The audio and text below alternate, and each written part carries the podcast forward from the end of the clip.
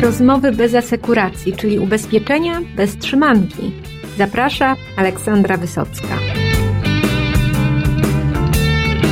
Dzisiaj porozmawiamy o przekraczaniu naszych możliwości i stawianiu sobie na, naprawdę bardzo, bardzo ambitnych celów, bo wielkie rzeczy, tak subiektywnie pojmowane, bo naprawdę to, co jest wielkie dla jednego, dla innego już wielkie nie jest, albo jest wręcz gigantyczne, więc to, co jest wielkie dla ciebie, drogi słuchaczu, jest w Twoim zasięgu i tak możesz, możesz naprawdę bardzo dużo osiągnąć, jeżeli tak sobie postanowisz. Jak osiągać właśnie te nasze subiektywne, wielkie cele, o tym opowie mój dzisiejszy gość.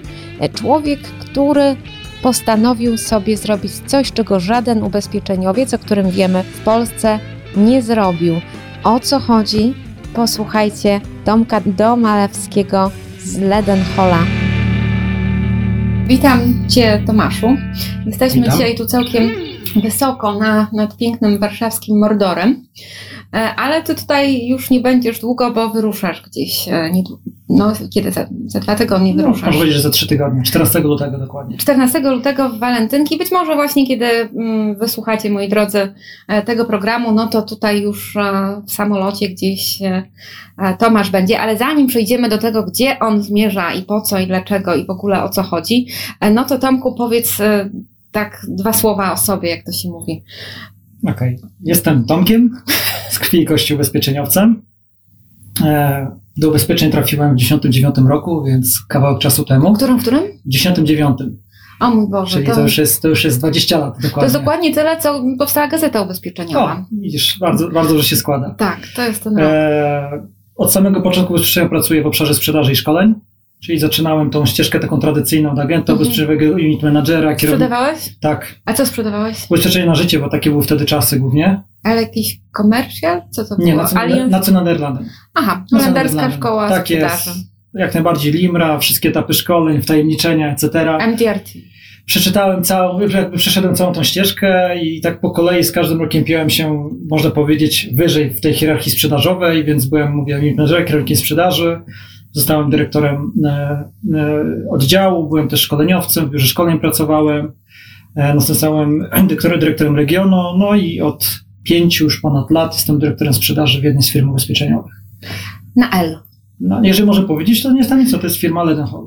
Tak, wi- widzicie to zresztą na, reklamie Tak, tego podcastu. więc myślę, że to Tak. dok- dokładnie Ledenhall Polska, czyli Lloyds, e, czyli Coverholder Lloydsowski. No tutaj to będzie może małe pro, product placement, czy jak to się teraz nazywa, ale no to dla tych, co nie wiedzą, bo jesteście dość niszowym ubezpieczycielem, nie tak, że każdy was sprzedaje.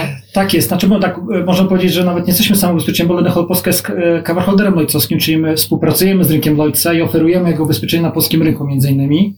Czyli naszym zadaniem jest splasowanie po prostu produktów Lloydsowskich na polskim rynku. Zajmujemy się później tym całym zapleczem e, szkodowym, sprzedażowym. I tak, to są produkty takie jak jak na przykład cyber, jak na przykład D&O, w tak zwanej linii specjalistycznej, ale też mamy produkty w tak zwanej linii osobowej, czy utrata dochodu, ubezpieczenie na życie i tym podobne. No jeżeli nie macie takich produktów e, w swoim portfelu, a w noworocznych postanowieniach macie e, dynamiczny rozwój i poszerzanie swoich kompetencji sprzedażowych, no to być może, być może to jest właśnie ten moment, kiedy Pan Bóg daje Wam tą szansę i mówi, no, czemu nie, czemu nie DNO? E, Bo, bo cyber to chyba na razie to, to show nie ma, nie? Znaczy nie, sprzedaż cyber się rozwija dosyć dynamicznie, tylko trzeba pamiętać o tym, że świadomość budowania tego typu produktu, zarówno po stronie pośrednika, jak i po stronie klienta, to jest proces wieloletni. Nie oszukujmy się. No, Także jak najbardziej mamy pierwsze sukcesy. Zeszły rok nawet dosyć dobrze zakończyliśmy, bym powiedział, zgodnie z planem, jeżeli chodzi o sprzedaż tego produktu. Natomiast cały czas, to jest, bym powiedział, cały czas dopiero zalążek tego, co się ma wydarzyć na rynku w przeciągu kilku lat, jeżeli chodzi o to ryzyko. no można by powiedzieć, że to jest taka droga na dość wysoki szczyt. O tak, dokładnie, dobre porównanie.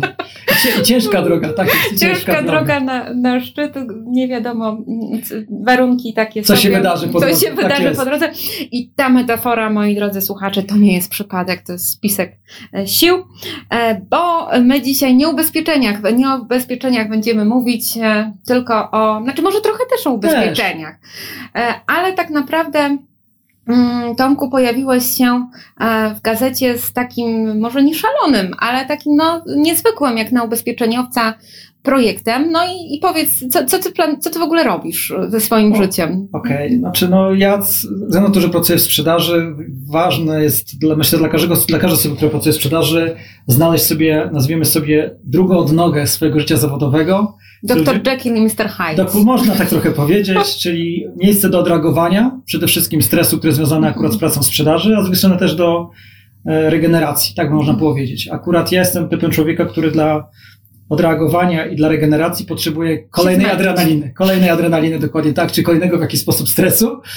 I właśnie moją pasją, którą rozwijam poza pracą, jest nic innego jak wspinaczka wysokogórska. I kiedy zacząłeś się wspinać? Tak naprawdę, jeżeli chodzi o same, same nazwijmy miłość do gór, to się zaczęło już bardzo wcześnie, w mojej młodości bym powiedział, natomiast to była miłość do gór taka czysto trekkingowa, czyli jeździłem po masywach górskich w Polsce, tak, Bieszczady, Tatry. Ale z rodziną to się zaczęło, czy ze Nie, jeszcze samo, na początku samodzielnie, znaczy na początku z rodziną, potem trochę ze znajomymi, e, e, później ze swoją własną rodziną, rozumiem, żoną i dziećmi. Mhm. E, natomiast to cały czas bym powiedział, to była taka miłość górska trekkingowa, czyli chodzenie po szlakach, podziwianie widoków, mhm. tak, zdobywanie tam kolejnych jakichś szczytów w naszych polskich górach.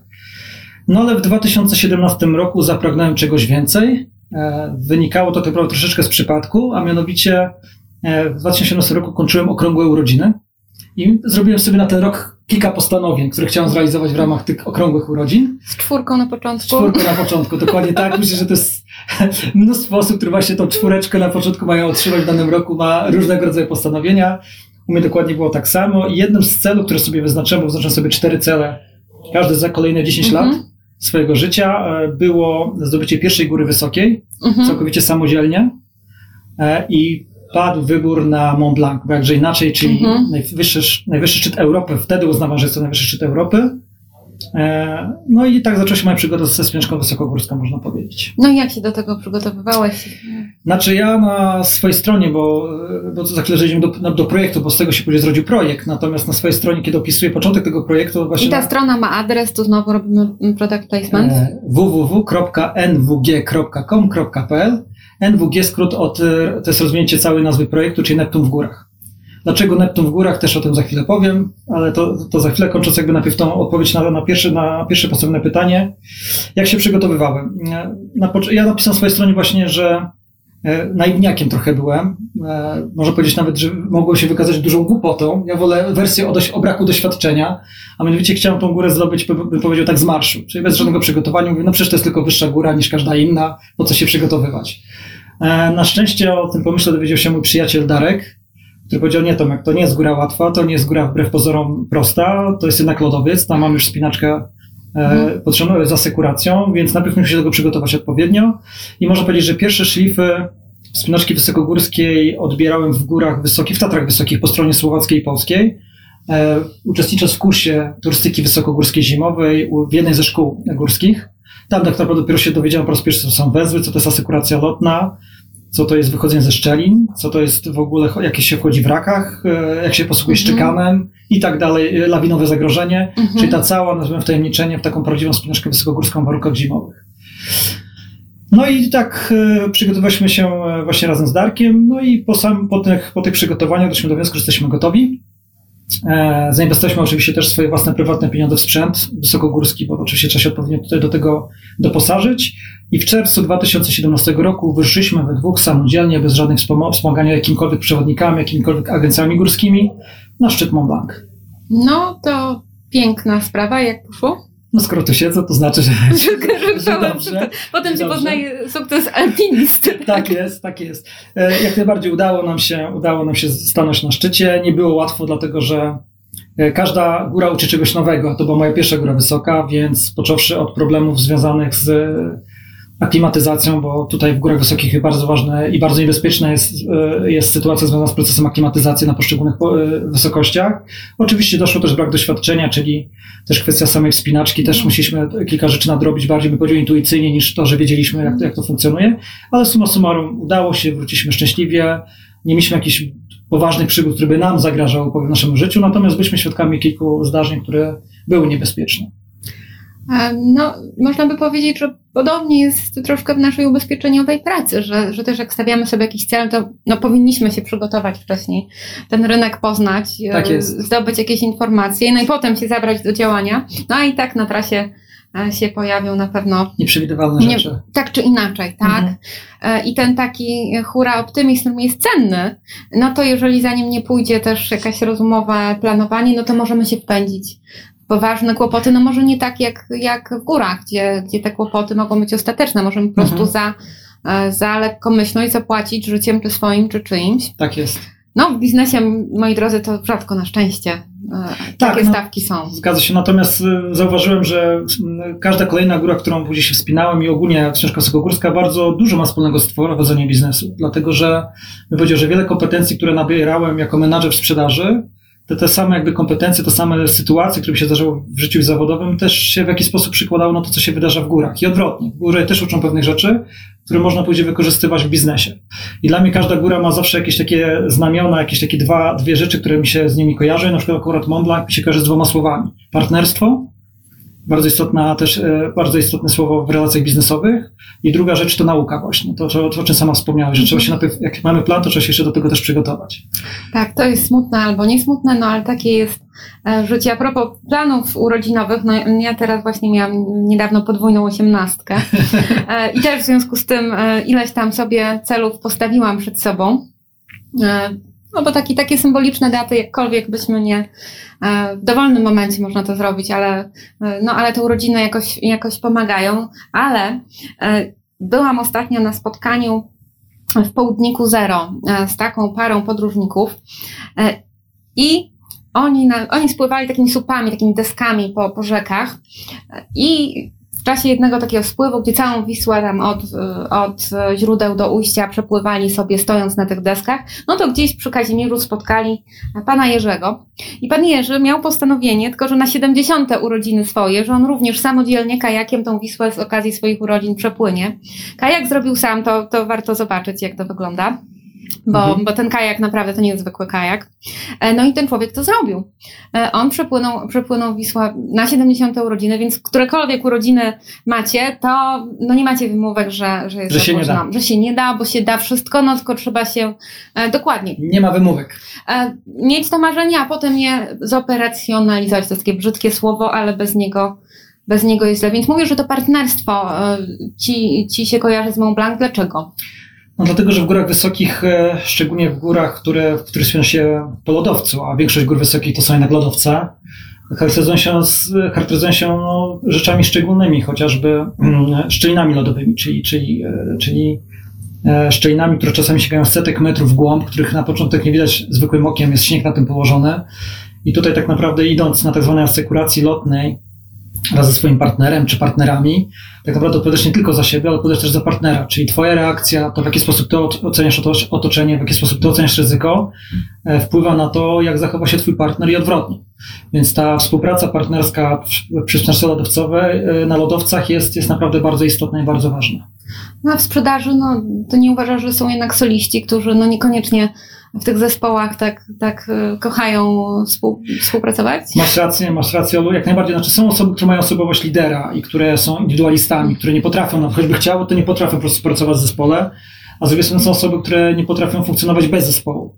Ja myślę, że jedni i drudzy są potrzebni i we wspinaczce Srogórskiej myślę, że tak samo jest potrzebne, mimo tego, że mamy zespół, który odpowiada za siebie, to jednak musi być też lider. Musi być lider, który powie, słuchajcie, tutaj stoimy, tutaj idziemy, tutaj odpoczywamy, tak, e, tutaj planujemy tak i tak i tak, dlatego że jeżeli w zespole mamy tak zwaną pełną demokrację, to tak naprawdę nikt nie podejmuje decyzji. Czyli jednak ten indywidualista, nawet mimo tego, że funkcjonuje w zespole, też musi być. No są jeszcze te gwiazdy, które ani nie, nie liderują, tak, ale, ale robią wynik, tak? Tak jest. E, Więc, więc no myślę, że też znać tą swoją osobowość, no to w pewnym wieku to, to, to już się zna, to wiadomo, nie, jak sobie, jak sobie radzimy. A ty, ty jakim jesteś e, sprzedawcą? Byłeś e, solistą czy w zespole? Znaczy, jeżeli jak zaczynam typowo sprzedać, czy agent i tak dalej, no to byłem indywidualistą, Mhm. wiadomo, no, walczysz o własny wynik, wa- walczysz o własne pieniądze, natomiast w momencie, kiedy już zaczęła się moja ścieżka bym powiedział, to bardzo istotny dla mnie jednak był zespół e, i w takim też rozumieniu, że nie chodzi mi o stworzenie kółka wzajemnej adoracji, bo jestem temu przeciwny, natomiast o stworzenie zespołu, który, w którym mimo tego, że jesteśmy zespołem i walczymy o wspólny cel, każdy jednocześnie ma przy okazji tego celu możliwość jakby realizacji swoich własnych, nazwijmy sobie, Mhm. osobistych celów. Zawsze staram się stworzyć tego typu atmosferę w zespole, która nie jest, nie jest wcale to łatwe, jak, jak się na pewno Mhm. wszyscy domyślamy. Natomiast no, wydaje mi się, już patrząc z perspektywy 20 lat, Mhm. że patrząc na ilość porażek, które poniosłem i sukcesów, e, jeżeli chodzi o menażerowanie, to myślę, że na większą część są jednak sukcesy niż porażki. Chociaż porażki wiele mnie uczyły. Więc mamy partnerstwo. Mhm. No i drugie hasło nauka. Tak jest. Nauka wynikająca z tego, że jeżeli podejmujesz się jakiegoś nowego wyzwania, nie robisz tego wcześniej, to teraz nieważne, czy to będzie biznes, czy mówimy teraz o sprzedaży wysokogórskiej, to jest tak, że mimo tego, że masz plan, że się do tego planu odpowiednio przygotowałeś, to w momencie, kiedy zaczynasz już drogę, kiedy mhm. zrobisz ten pierwszy krok, to tak jak samo zauważyłeś, pojawia się mnóstwo rzeczy niespodziewanych. I ta nauka wynika z tego, że musisz się w odpowiedni sposób zachować w tej danej sytuacji, i to w taki sposób, która, która, która będzie jakby najbardziej optymalna w danym czasie i w danym momencie swojego, tak, tego, tego, tego, tego, tego, tego momentu, kiedy się to wydarzyło.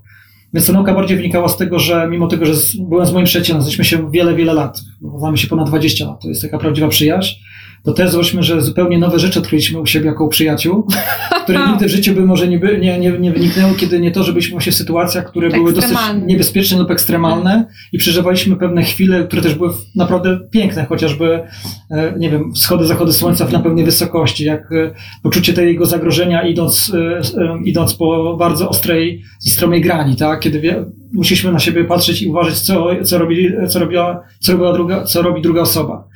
Więc ta nauka wynika raczej z tych doświadczeń, które ta druga nam przyniosła, tak bym powiedział.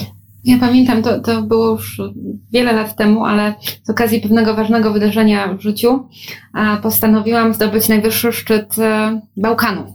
E, Musałe, piękna góra. No i, i e, to, co najbardziej pamiętam, to ten czas tuż przed szczytem, kiedy tam to było też dość oblodzone. Ja żadnych raków nie miałam, za to miałam bardzo ciężki plecak. 20-kilowy, e, plus lęk wysokości, przestrzeni, czego tam chcesz. Mhm. E, no i pamiętam takie już, to było dosłownie tuż przed szczytem, ale takie, takie oblodzone, um, oblodzone w dół idące, coś przez to trzeba przejść. Po prostu ja się tam spłakałam w tym miejscu. Miałam po prostu już taki lęk. No w końcu mój partner wrócił, mhm. wziął mój plecak, przeniósł mój plecak, ja potem przeszłam, ale jak weszłam na ten szczyt, to byłam taka nieszczęśliwa. Bo, Dlaczego? E, znaczy, to był wielki stres, który mi, mi e, e, po prostu odpuścił dopiero jak już byłam bezpieczna na górze i stałam na, na tej górze, taka nadęta z takim fochem. E, no i to było to moje marzenie. Pot, ale tam było wiele pięknych e, momentów przy schodzeniu, czy te tak krowy tak z tymi dzwonkami, czy te widoki, mhm. ale mój szczyt, najwyższy szczyt Bałkanów to był no, to był, to, to był rezultat troszkę nieprzygotowania i w ogóle nie przyszło mi do głowy, że, że na górze może być latem śnieg. E, mhm.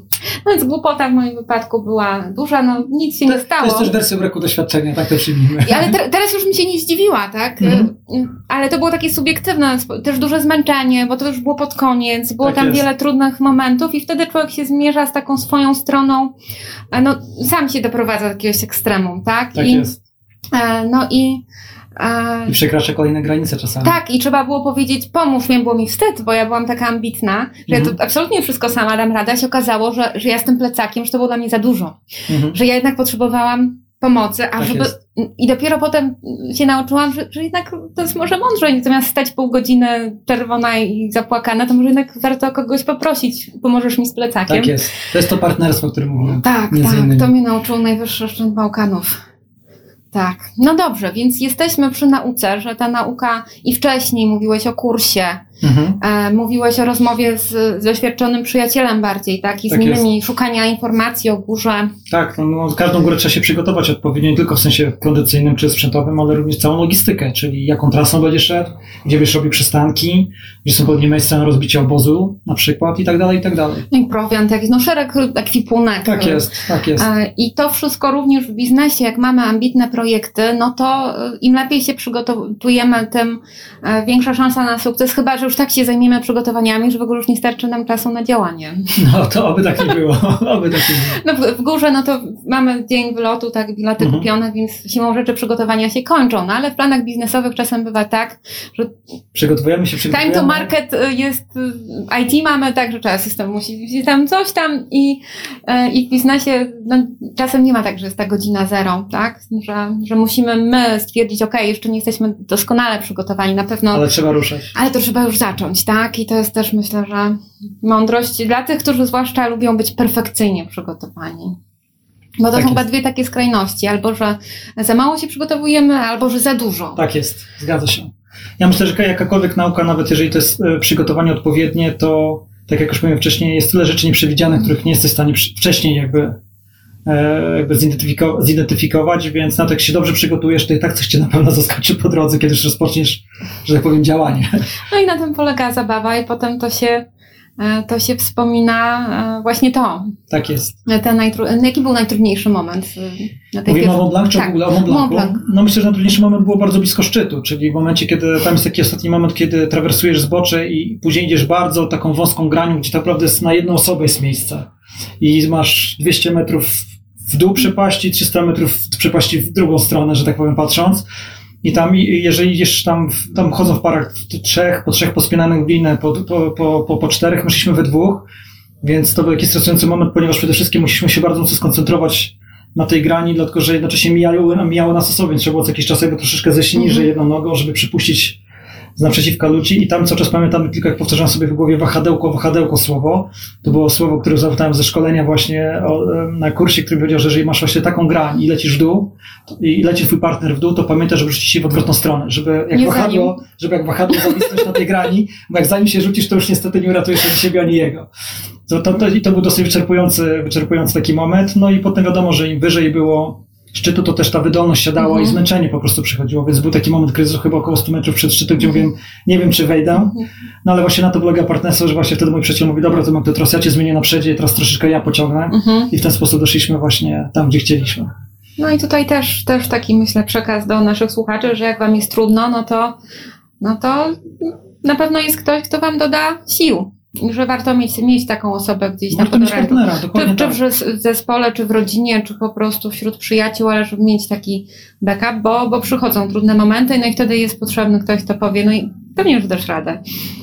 Wstaniesz, będzie dobrze, tylko Będzie jeszcze dobrze, jeden krok do ci, przodu. dokładnie tak. Tak, jeden, no zawsze ten jeden krok do przodu i to potem drugi jakoś się zawsze dojdzie. Zgadza się. E, Więc, więc no i, i- umiejętność skorzystania z tej pomocy i dania samemu jej innym, bo najprościej chyba e, znaleźć takiego partnera, będąc nim również dla innych. Tak jest. E, Który kimś, kto dopinguje i dodaje sił, a niekoniecznie dołuje i mówi, a po co ci to? Tacy też się zdarzają. No nawet czasem w rodzinach się zdarzają. Ja Bój zawsze- się Boga, ja zawsze uważam, że, że w tego typu projektach jest zawsze tylu samo e, kibiców, że mówią Tomek super, ro- robisz to, e, robisz to co lubisz, rozwijaj pasję, a są też tacy, a co ty głupi robisz, nie? Co, chcesz się zabić? Tak, życie ci niemiłe? Tak myślę, że jedni drudzy się znajdą. No tak, i tam my musimy jakoś mimo wszystko robić to, co, co uważamy za, e, za słuszne. No dobrze, e, ale e, to była pierwsza góra, potem były już kolejne. Tak, tak, jakoś, znaczy generalnie Mont Blanc był takim przełomowym dla mnie momentem, dlatego że po powrocie z Mont Blanc już wiedziałem, że góry, góry wysokie to jest coś, co, co kocham, co będę chciał rozwijać, no, chcę, będę chciał rozwijać tą pasję, będę też chciał rozwijać swoje kompetencje wspinaczkowe. No i tak naprawdę jakiś, bym powiedział, prawie rok po Mont Blancu mm, zaczął się rodzić w mojej głowie projekt związany z, ze ścieżką wysokogórską, a mianowicie projekt e, zdobycia korony ziemi tak zwanej. Korona ziemi to jest nic innego jak e, najwyższy, to jest jakby skompletowanie najwyższych szczytów każdego kontynentu. E, Ta korona ma różne wersje, w zależności jak ona się rozwijała, to te wersje się, się zmieniały, natomiast samym jakby pomysłodawcą tego, tego, jakby tego projektu Korony Ziemi był amerykański przedsiębiorca, bardzo bogaty biznesmen, Richard Bass tak się nazywał. To był człowiek, który właśnie sobie wymyślił, że chce zdobyć najwyższe szczyty każdego kontynentu i zrobił to w 80, 1985 roku. Tylko, że do jego wersji Korony Ziemi należało oczywiście Mount Everest, wiadomo, najwyższy szczyt Azji, należał Elbrus, czyli najwyższy szczyt Europy, należał, należało Denali, czyli najwyższy szczyt Ameryki Północnej, Akangua, najwyższy szczyt Ameryki Południowej, Masyw Winsona, najwyższy szczyt Antarktydy, Kilimandżaro, najwyższy szczyt, szczyt Afryki i e, Góra Kościuszki, najwyższy szczyt Australii. No i w, po jego zdobyciu tej, korony Ziemi, e, bardzo znana postać w historii wspinaczki himalaizmu światowego, czyli Reinhold Messner. Jeżeli ktoś nie pamięta, to to był ten człowiek, który z kukuczką naszym słynnym e, walczył o, o to, kto Mhm. pierwszy zdo- zdobędzie, ko- skompletuje koronę Himalajów. No Messner był tym pierwszym, tak? Jak wiemy, jak, jak wiemy mm, Kukuczka zdobył e, e, jakiś czas później e, ostatnie szczyty do, do swojej korony Himalajów. No ale Messner właśnie podważył mm, jakby ten, ten, ten, ten, ten skład korony Ziemi, e, zresztą słusznie zauważając, że mm, Góra Kościuszki e, to nie jest góra, najwyższa góra kontynentu, dlatego że Australia nie jest samodzielnym kontynentem, tylko Australia należy do kontynentu, który nazywamy dzisiaj, wszyscy z geografii, myślę, pamiętają, Australia i Oceania. Czyli do Australii należy jeszcze też cała Indonezja. A w tym, patrząc na, pod tym kątem, najwyższym szczytem Australii i Oceanii jest piramida Karstensza położona w Nowej Gwinei. I właśnie, I właśnie e, Messner zmienił skład korony Ziemi, czyli wykluczył e, góry Kościuszki, a dołączył piramidę Karstensza i on był tym, który zdobył tę wersję korony Ziemi w 86 roku, czy rok później po mhm. basie. W międzyczasie to ewaluowało, od razu też powiem, i niektórzy na przykład, e, tak jak Państwo się domyślają, też podważają to, czy Elbrus jest najwyższym szczytem Europy traktując, że Mont Blanc jest najwyższym szczytem Europy.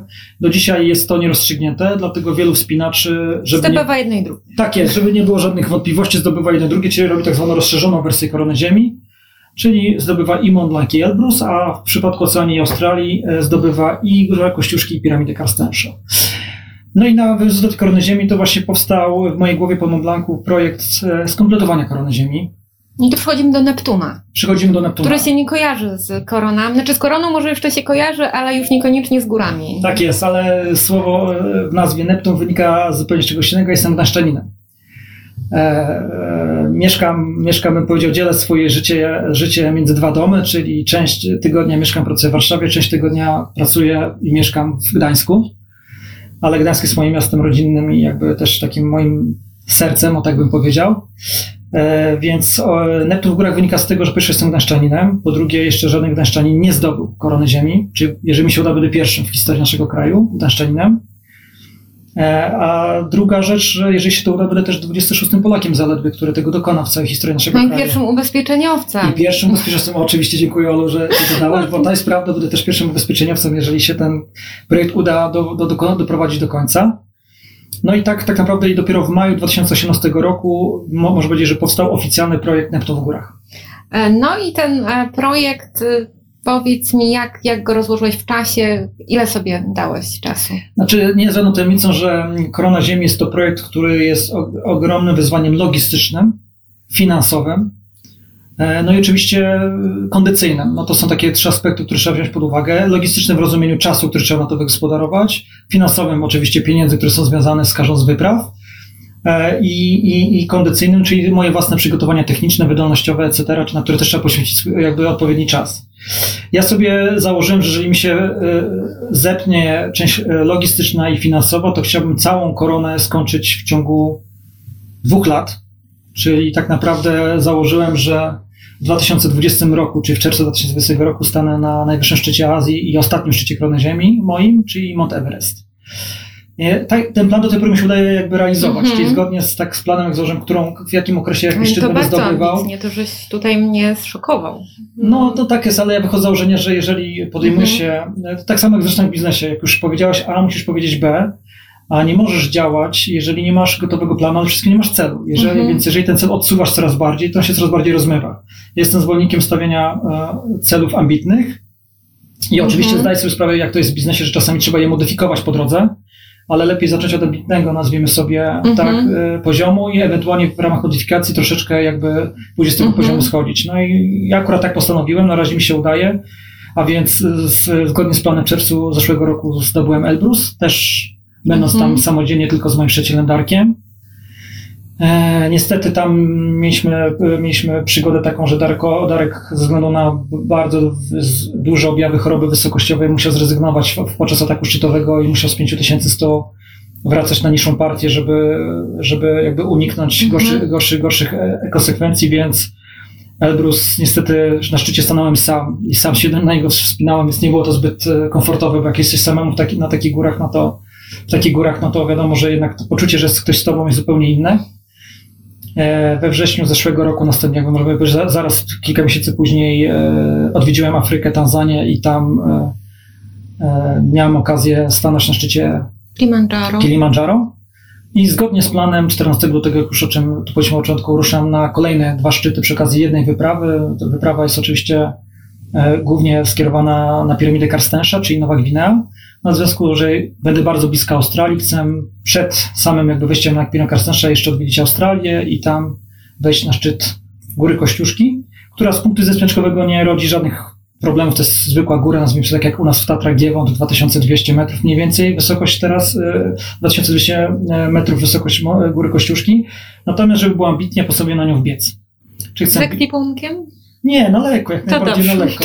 To zupełnie, zupełnie jak biegi górskie, czyli chcę mm -hmm. na szczyt Kościuszki jako tak, tak zwana rozgrzewka przed Karstenszem, a potem z Australii już się przemieszczam na Bali, z Bali na, do Papui, z Papui do, na Nową Gwineę i tam zaczynam już akcję górską na piramidzie Karstenszy. Na kiedy wracasz? Jeżeli wszystko się ułoży, to 5 czy 6 marca powinien lądować z powrotem w Warszawie dwa miesiące odpoczynku zaledwie, aby był o kolejnych przygotowań, dlatego że w maju ruszam... Może pracy też jakieś? Też oczywiście, jak najbardziej. Jak słuchają to moi biznes partnerzy, to jak najbardziej również pracy. Wszyscy agenci współpracujący z Redenholem oddychają, uff. Tak jest. No i w maju już zaplanowana, już też jakby można powiedzieć, że klepnięta kolejna wyprawa, tym razem na najwyższą górę Ameryki Północnej, czyli Denali położona na Alasce. No to czeka Ci naprawdę ambitne kilka miesięcy.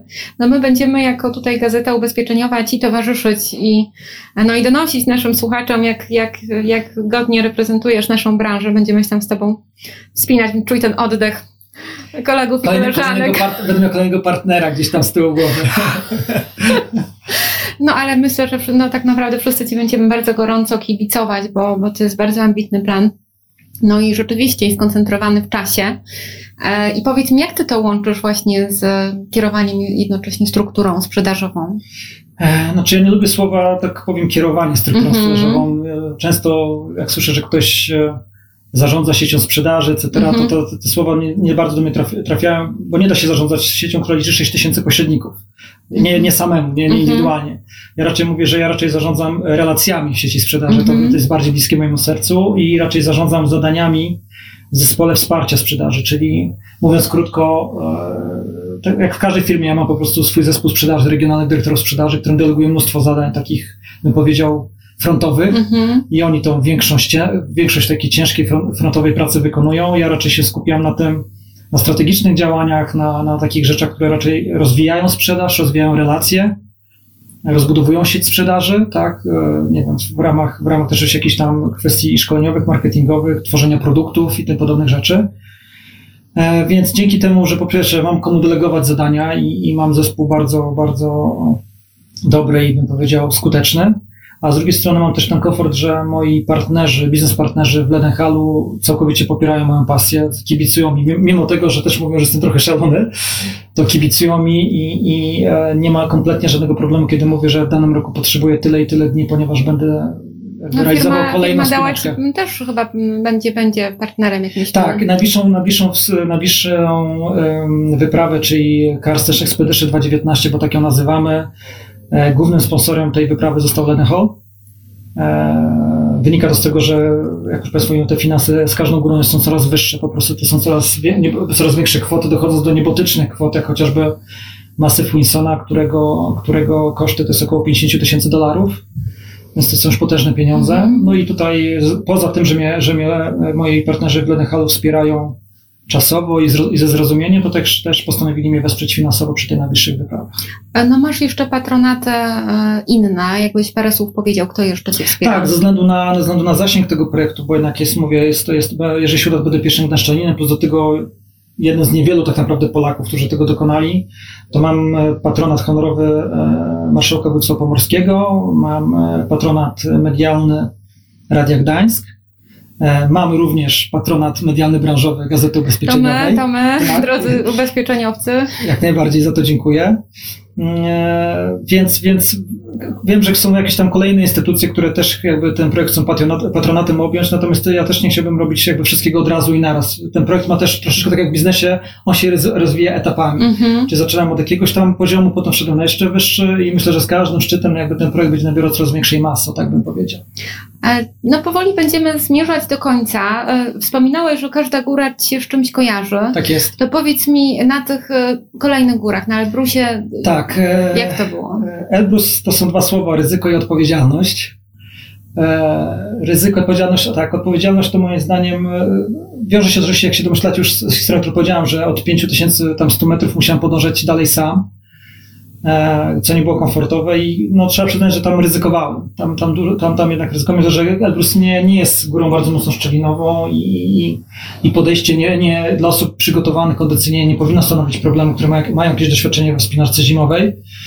To jednak e, to, że nie miałam asekuracji, a były takie momenty, kiedy, kiedy się rusza tak zwanego siodła, które e, rozdziela dwa wierzchołki Elbrusa, bo mamy wierzchołek zachodni i wschodni, i z tego siodła jest e, takie podejście o dosyć wysokiej ekspozycji, około 300 metrowe, gdzie naprawdę nie mając zbyt wielu sił, naprawdę można powiedzieć, że człapałem e, na tej ekspozycji. Bardzo e, miałem takie sytuacje, gdzie leciałem w dół, po prostu się staczałem, ale wtedy jakby hamowałem czekanem, jest specjalna kilka hamowania czekanem.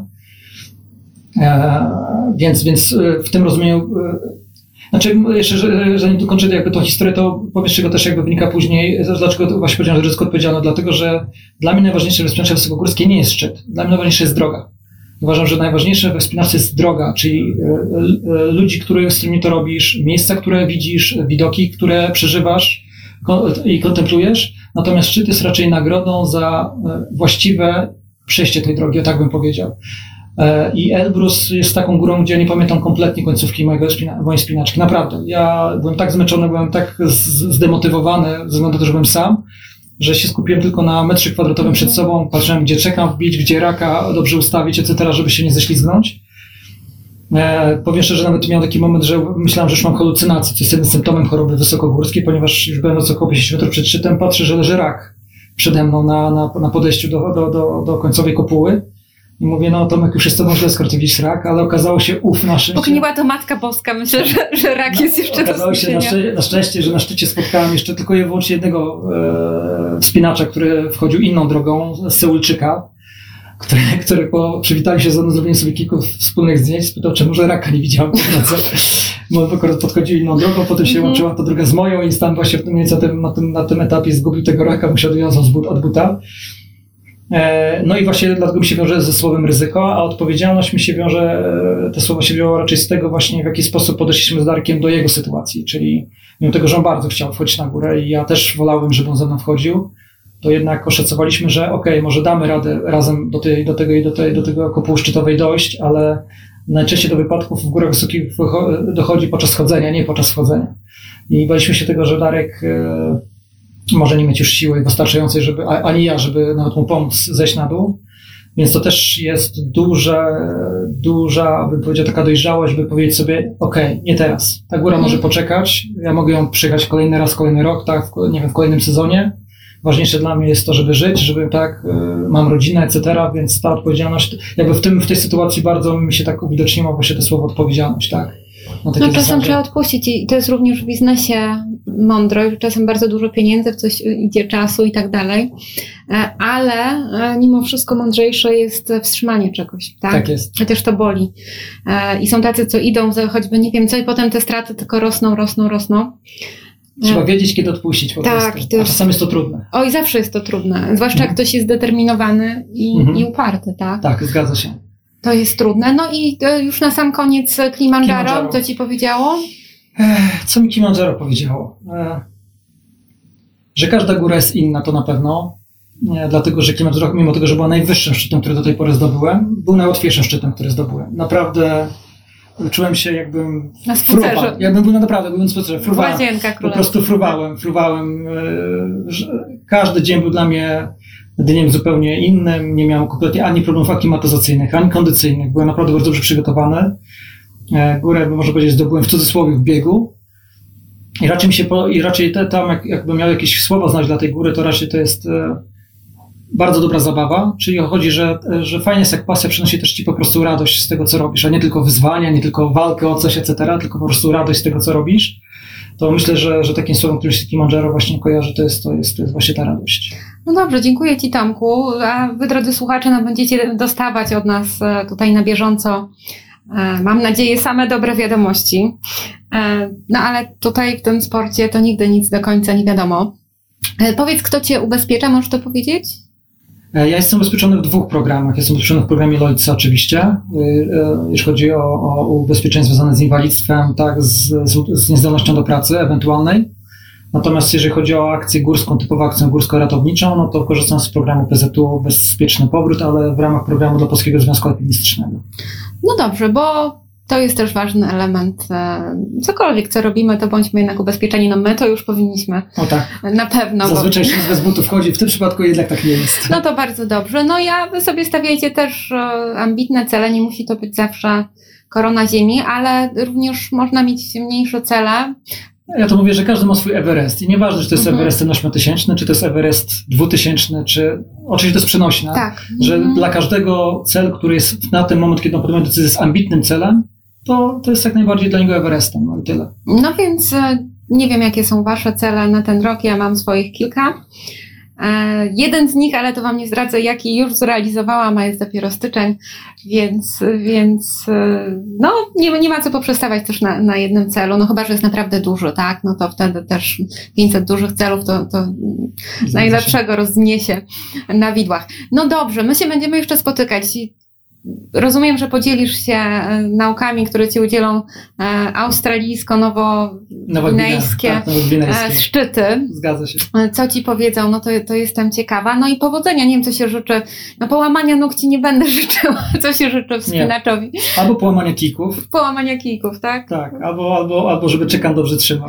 Oj tak, żeby Ci czekam dobrze trzymał. Powiedz mi, będziesz się z, z kimś wspinał, czy jak to... Znaczy, no, na górę Australii wbiegam samodzielnie, bo tam nie potrzebuję niczego, Mhm. natomiast e, góra Karstensza, Gran Karstensza jest górą, którą nie możesz samodzielnie zdobyć. Jest, trzeba mieć specjalne zezwolenia, które można wykupić tylko i wyłącznie poprzez konkretną agencję górską, Mhm. więc tam będę spinał się z agencją górską. No dobrze, to mm, nie powiem, że mnie to martwi akurat. To Ktoś będzie czuwał, to myślę, że Tak zawsze, jest.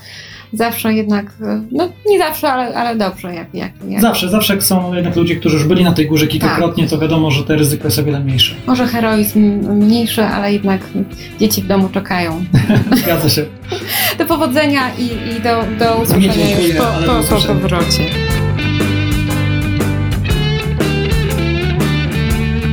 Powiem Wam szczerze, jestem naprawdę dumna z tego, że jako gazeta ubezpieczeniowa mam ten przywilej, żeby patronować tak ambitnym, wspaniałym planom.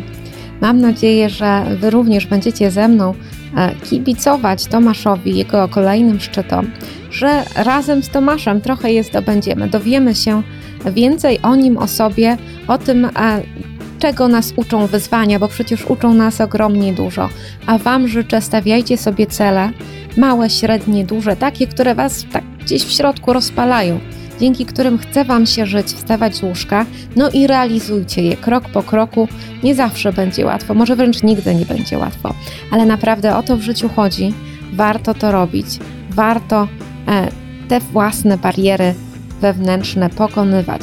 Do usłyszenia w przyszły wtorek, no i bądźcie czujni, bo o wyprawie Tomka będziemy mówić, będziemy pisać, będziemy Wam pokazywać jego kolejne osiągnięcia. Do usłyszenia.